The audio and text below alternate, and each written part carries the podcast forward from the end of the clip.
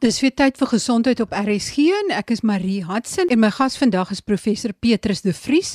Hy is hoof van adolessente en kinderpsigiatrie by die Universiteit van Kaapstad en dis ook by die Rooikruis Kinderhospitaal. Ons gesels vandag oor outisme want April is outisme maand en voordat die maand om en verby is, wil ek dan graag oor outisme gesels. Hierdie is die eerste in 'n kort reeks van twee gesprekke oor outisme. Volgende week sit ons dit voort om dit net af te rond.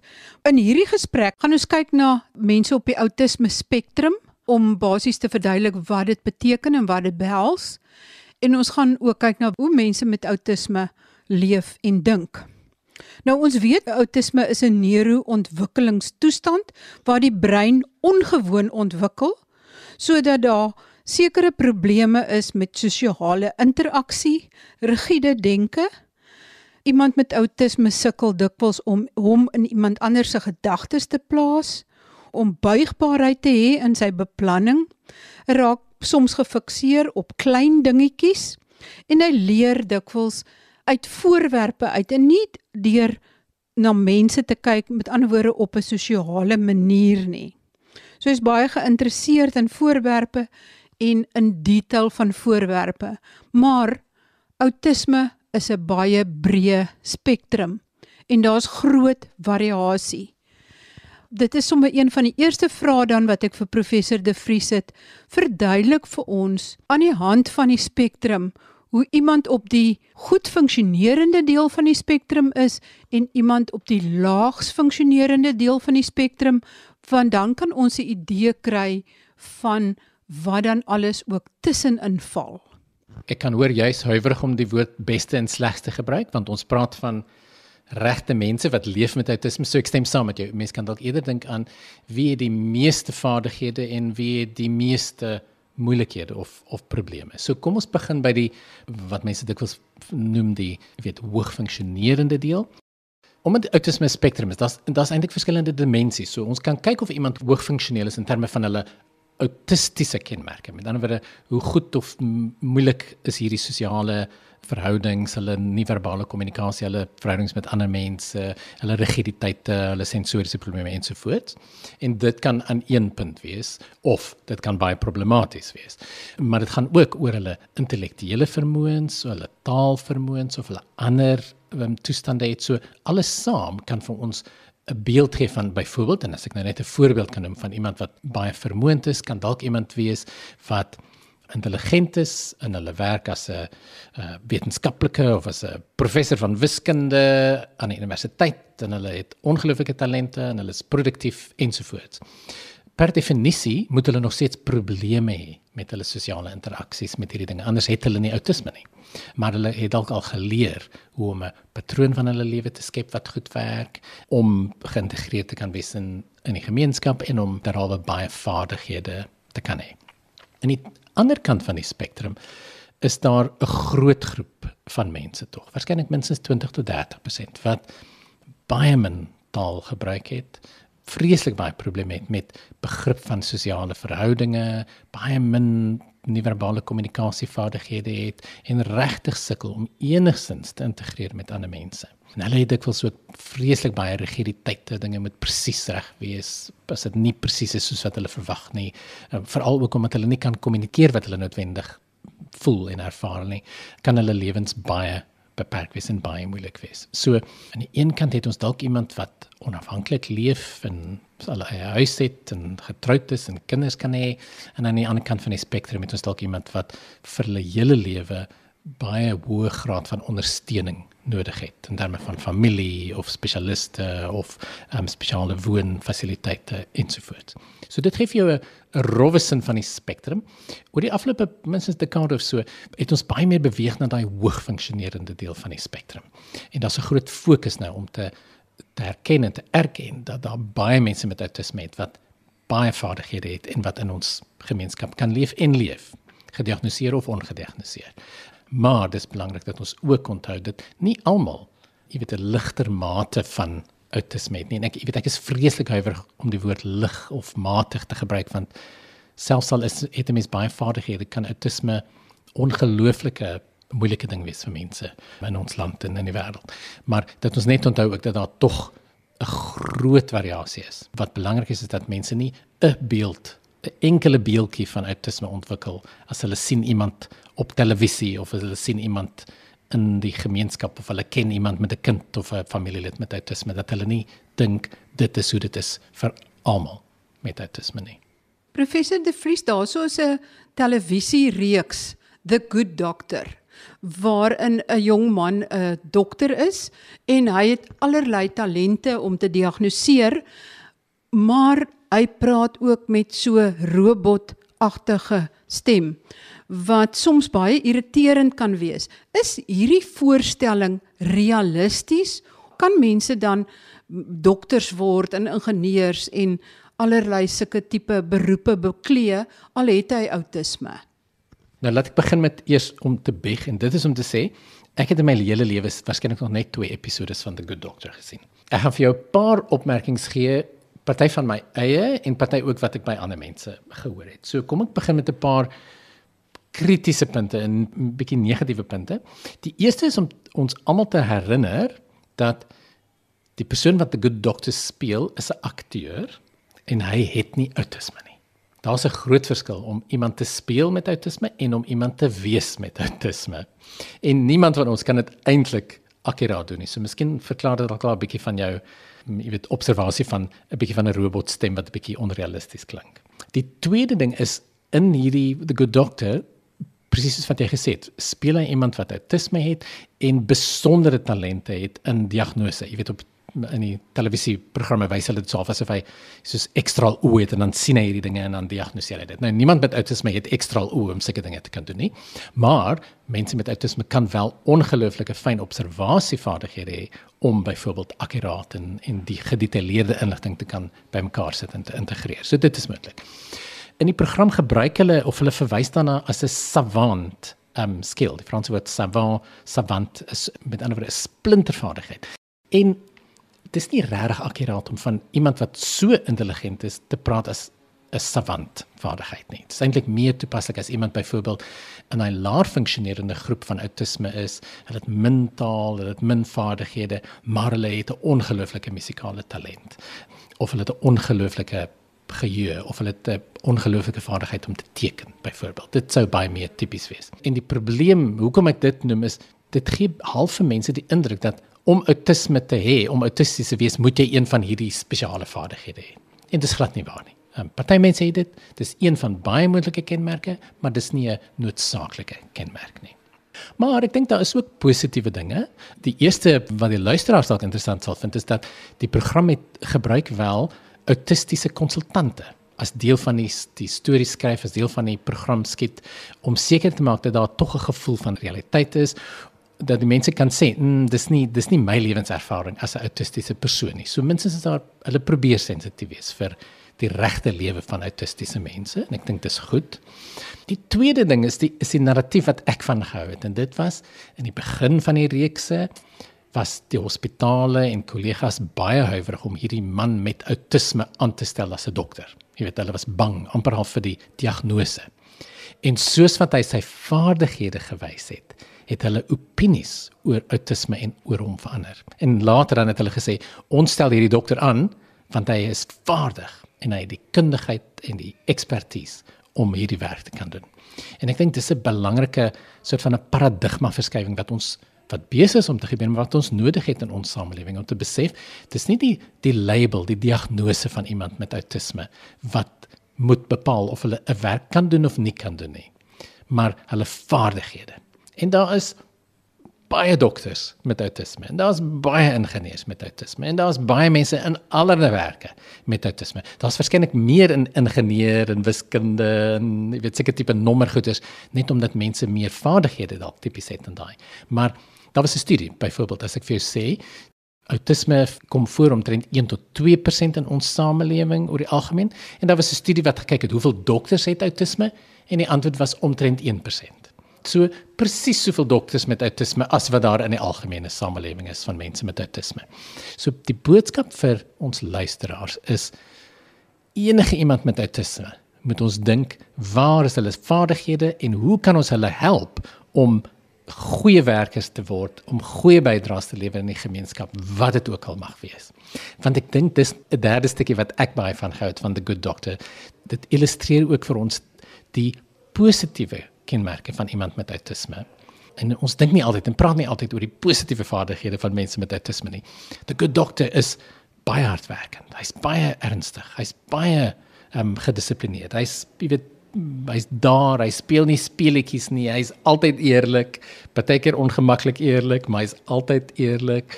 En dis eienskappe wat almal van ons graag sal wil sien in ons kollegas en in ons personeel en in ons bure. Ehm um, so daar's tog 'n baie positiewe storie al is daar ook dinge waarvan mense miskien nie noodwendig sal hou in the good doctor nie.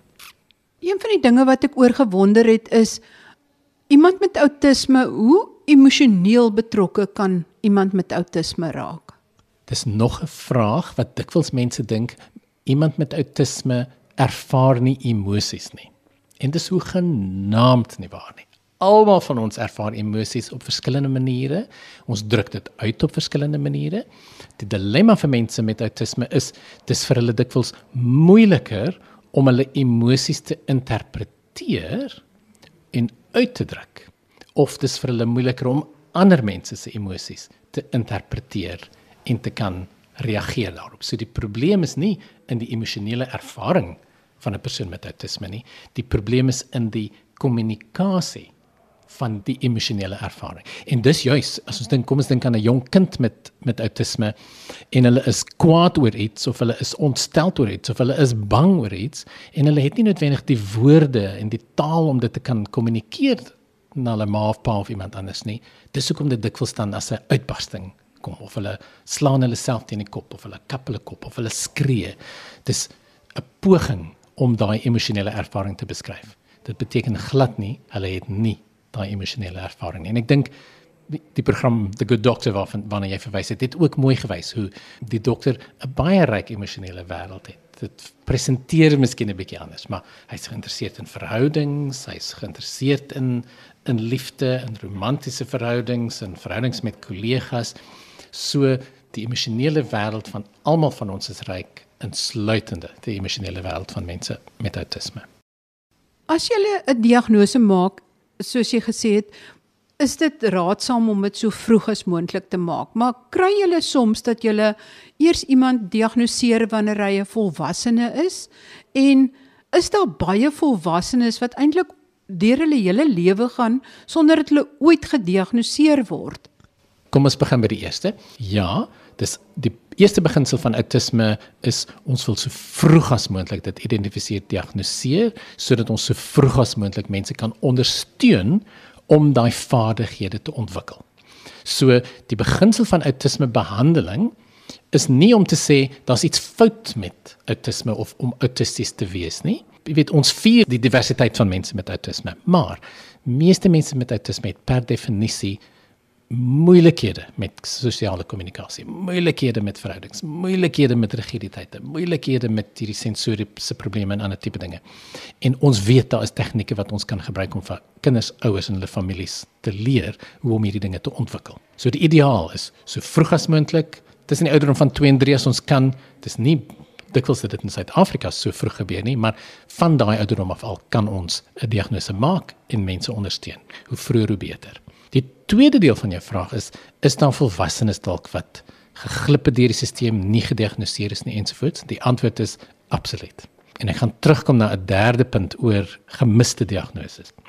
In ons land is daar nie soveel vaardigheid nog om ouer mense, kinders, tieners, volwassenes te diagnoseer met autisme nie. So daar is baie mense in ons gemeenskappe wat ongediagnoseerd is of wat baie laat gediagnoseer word. Dis vreeslik waardevol vir hulle om ook soms 'n diagnose te kry want nommer 1, dit kan vir hulle net skielik laat besef, ah, dis hoekom dit vir my lewe lank so moeilik was om vriende te maak, verhoudings te hê ensovoorts. Ah, dis hoekom dit vir my so moeilik was om in die werkplek of in die skool al hierdie sosiale goeders te moet mee deel. Ah, dit help my verklaar hoekom dit dit vir my so angswekkend was om al hierdie dinge te gedoen het in my lewe. En dit kan baie waardevol vir families en vir partners en en mense in 'n gemeenskap ook wees. So ja, baie mense word gemis Dis dikwels mense meer op die vaardige deel van die spektrum wat goeie intellektuele vaardighede het. Dikwels was hulle in gewone hoofstroom skole, hulle het baie taal, maar hulle het lewenslank hierdie subtiele sosiale kommunikasieprobleme gehad, bietjie rigiditeit gehad ensovoorts. Genoeg om hulle lewe moeilik te maak en genoeg om dalk baat te vind by 'n diagnose. Die derde punt oor almal, jonk en oud in ons land is ek het vroeër gesê die die prevalensie, so dis die tegniese woord vir hoe baie mense daar is met autisme, is minstens 1 tot 2%. So 1 in 100 mense of selfs 1 tot 51 tot 1 in 100 mense in die wêreld het autisme. Ons het onlangs 'n studie gedoen hier in Suid-Afrika en ons het gekyk na al die kinders in die Weselike provinsie in skole en gekyk na hulle amptelike departement van opvoeding rekords. En gekyk hoeveel van hulle het 'n diagnose van autisme. En ons kon minder as wel, ons het 'n totaal van minder as 1000 kinders gekry met autisme uit meer as 'n miljoen en 'n half. So dit beteken in ons land en ons provinsie en in ons land identifiseer ons weet ons van waarskynlik minder as 10% van kinders wat wel moontlik autisme het. En dit beteken per definisie dat ons weet waarskynlik van selfs nog minder volwassenes wat eintlik autisme het wat eintlik kan baat vind deur daai begrip en en ondersteuning maar hulle kom net nooit by 'n diagnostiese proses of net nooit by daai ondersteuning uit nie. Sjoe, dit is nogal ontstellende syfers. As mens kyk na die insidensie en die voorkoms van outisme, kom dit meer onder seuns voor of meer onder meisies of is daar nie 'n verskil tussen die twee geslagte nie? Die basiese feite is ons sien meer outisme onder seuns as onder meisies. Van die studies wys dit so 4 seuns vir elke meisie. Party ander studies het gewys selfs 8 seuns vir elke meisie. Maar toenemend in die afgelope dekade was daar meer bewuswording en bewustheid dat dalk is daar eintlik baie meer meisies, dogters en vrouens wat ook autisme het. En daai 4 tot 1 verhouding is besig om 'n bietjie te krimp. Ons weet nie presies hoe klein hy gaan krimp nie. Op die oomblik is hy nog so hier by die 3 tot 4 seuns tot 1 dogter of 1 vrou. En ek gaan net twee redes gee hoekom mense dink dalk is daar eintlik meer vrouens en meisies as wat ons van tevore gedink het. Die eerste is baie van hierdie diagnostiese kenmerke wat ons van tevore al oor gepraat het en vroeër vandag ook oor gepraat het is baie gefokus op die tipe aktiwiteite wat ons sien in seuns. Jy weet, speel met karretjies, speel nie met karretjies nie, sit die karretjies in 'n ry, is geïnteresseerd in dinosourusse of in planete of sterre of sulke tipe van goeders. En sodat as dit as 'n dogtertjie, as 'n vrou dan na 'n spesialist toe gaan vir 'n moontlike outisme evaluering, dan is dit die voorbeelde in hulle gedagtes. Maar die tipe aktiwiteite wat dogtertjies en vrouens dikwels doen as hulle outisme het, is 'n bietjie meer kom ons noem dit sosiaal tipies of sosiaal aanvaarend. So byvoorbeeld, 'n tiener met outisme het dalk 'n spesifieke passie of belangstelling in 'n spesifieke popster, 'n popsanger of een van 'n sosiale media influencer. En hierdie jong meisie weet alles van hierdie popster. Wanneer sy gebore is, hoe oud sy is, hoeveel sy weeg, waar al haar konserte was, lyste en lyste van detail in inligting wat heel wat meer is as wat meeste van haar ander tienervriendinne sal weet of selfs in belang stel. So jy kan sien dis miskien 'n vroulike ekwivalent aan daai dinosourus of die sokker of die rugby belangstelling en ons dink nie altyd aan dit as 'n autistiese kenmerk nie. So dis nou maar net een voorbeeld of ander voorbeelde is, jy weet, dogtertjies en ek het kollegas wat dogtertjies al gesien het met autisme en as mens vra oor het hulle seker spesifieke belangstelling of dinge dan sê ouers nee, maar as jy in hulle kamer ingaan dan is daar 300 pink beertjies in die dogtertjies se kamer. Nou daai 300 pink beertjies is 'n ongewone belangstelling. Is baie meer intens as wat mense sou verwag het van 'n ander dogtertjie. So jy kan sien dis die tipe manifestasies wat bietjie anders is. Die tweede ding wat ons sê van en meer en meer begryp van dogters en vrouens met autisme is hulle is dikwels baie beter om hulle autistiese kenmerke te kamoufleer, is die term wat mense gebruik. Voorbeeld wat wat autistiese mense vir ons sê is omdat 'n vrou weet dis vir haar moeilik om byvoorbeeld na 'n partytjie toe te gaan dan oefen sy voor die tyd. Okay, wat gaan ek doen? Wat gaan ek sê? Wat gaan ek vra? Dan is dit soos 'n repetisie voor die tyd. En dan voel hulle eintlik 'n bietjie meer vaardig en hulle lyk meer vaardig. Maar dit kom teen 'n koste. Hulle is dikwels baie angstig, hulle is dikwels baie onseker en dis 'n jy weet dis 'n baie bewustelike proses. Dis nie 'n spontane outomatiese proses nie. So daai twee is, is voorbeelde hoekom daar waarskynlik meer vrouens is met autisme as wat ons gedink het tot dusver. Hulle moet nog steeds dieselfde kriteria aan voldoen as enige iemand, maar dis daai voorbeeld, dit is die manifestasies van hulle autisme wat dikwels 'n bietjie anders lyk. Professor De Vries, jy het gesê dis 'n neuroontwikkelingsprobleem. Wat presies gebeur tydens die ontwikkeling van die brein wat dan anderste is in diegene wat dan autisme ontwikkel? En daar kan jy ook noem hoekom so baie mense gereken het dat die inenting met die MMR vaksin verband hou met outisme. Sjoe Marie, as ek die antwoord het op daai vraag van jou om te sê wat presies gebeur in die brein van iemand met outisme soos wat dit ontwikkel, dan het ons dan nou 'n groot vraag geantwoord hier vir ons luisteraars, daar's geweldig baie navorsing wat die afgelope 30, 40 jaar al plaasgevind het om te kyk en te probeer verstaan wat is die genetiese oorsake, hoe presies gebeur dit soos wat die brein ontwikkel, waarom is dit anders in mense met outisme, wat is anders in mense met outisme? Die antwoord is op hierdie stadium weet ons nog nie regtig nie. Wat wel toenemend gebeur het is mense het besef, navorsers het besef dat daar 'n toenemende aantal spesifieke genetiese toestande is wat elkeene genoeg is om 'n autistiese profiel of om iemand autisties te laat lyk. So die analogie miskien vir ons luisteraars is ons weet dat epilepsie is baie algemeen en ons weet ook nou dat daar baie 10, 20, 30, miskien 100 verskillende genetiese paaie is wat lei na epilepsie. En dis presies dieselfde idee wat ons op die oomblik het oor autisme. Daar's waarskynlik baie baie genetiese, biologiese, neurobiologiese baie wat lei na 'n autistiese profiel. Dis relatief maklik om te begin by daai spesifieke genetiese patroon.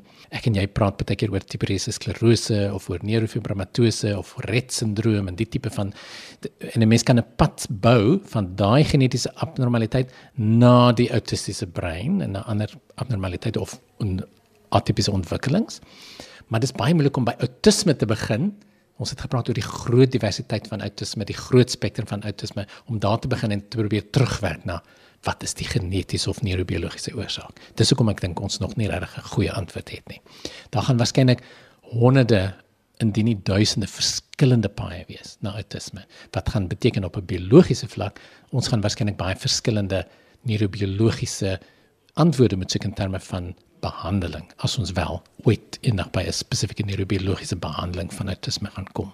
Soos wat ek gesê het, die risiko van sulke tipe navorsing oor die afgelope 30, 40 jaar is meeste van ons navorsingsgeld het gegaan op die neurobiologie van autisme. En 30, 40 jaar later weet ons eintlik nog nie soveel meer nie.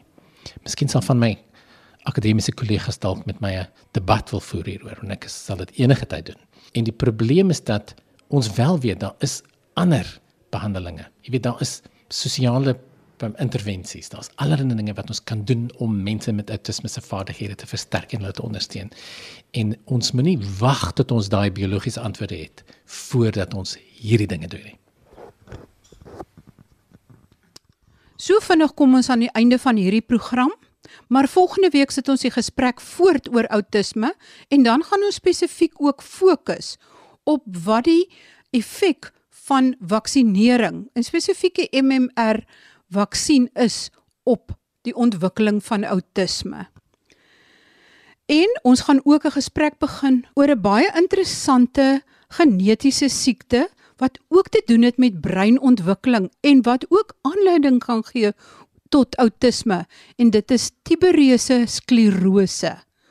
So skakel volgende week weer in, maar ek sê ook dat Hierdie program en volgende week se eerste deel oor outisme word baie spesifiek opgedra aan Mr F en al sy kollegas. Baie groete uit die RSG ateljee aan Mr F. Tot volgende week dan. Skakel weer in op gesondheidsake. Groete van my, Marie Hudson.